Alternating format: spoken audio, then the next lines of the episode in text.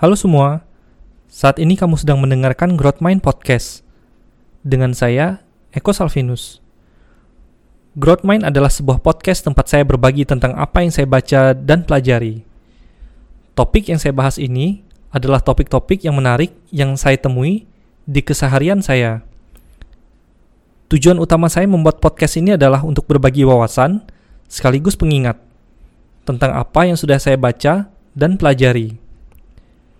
Mengapa podcast ini dinamakan Growth Mind? Saya terinspirasi dari growth mindset. Growth mindset sendiri adalah sebuah pola pikir yang selalu mau belajar agar menjadi lebih baik dari keadaan sebelumnya.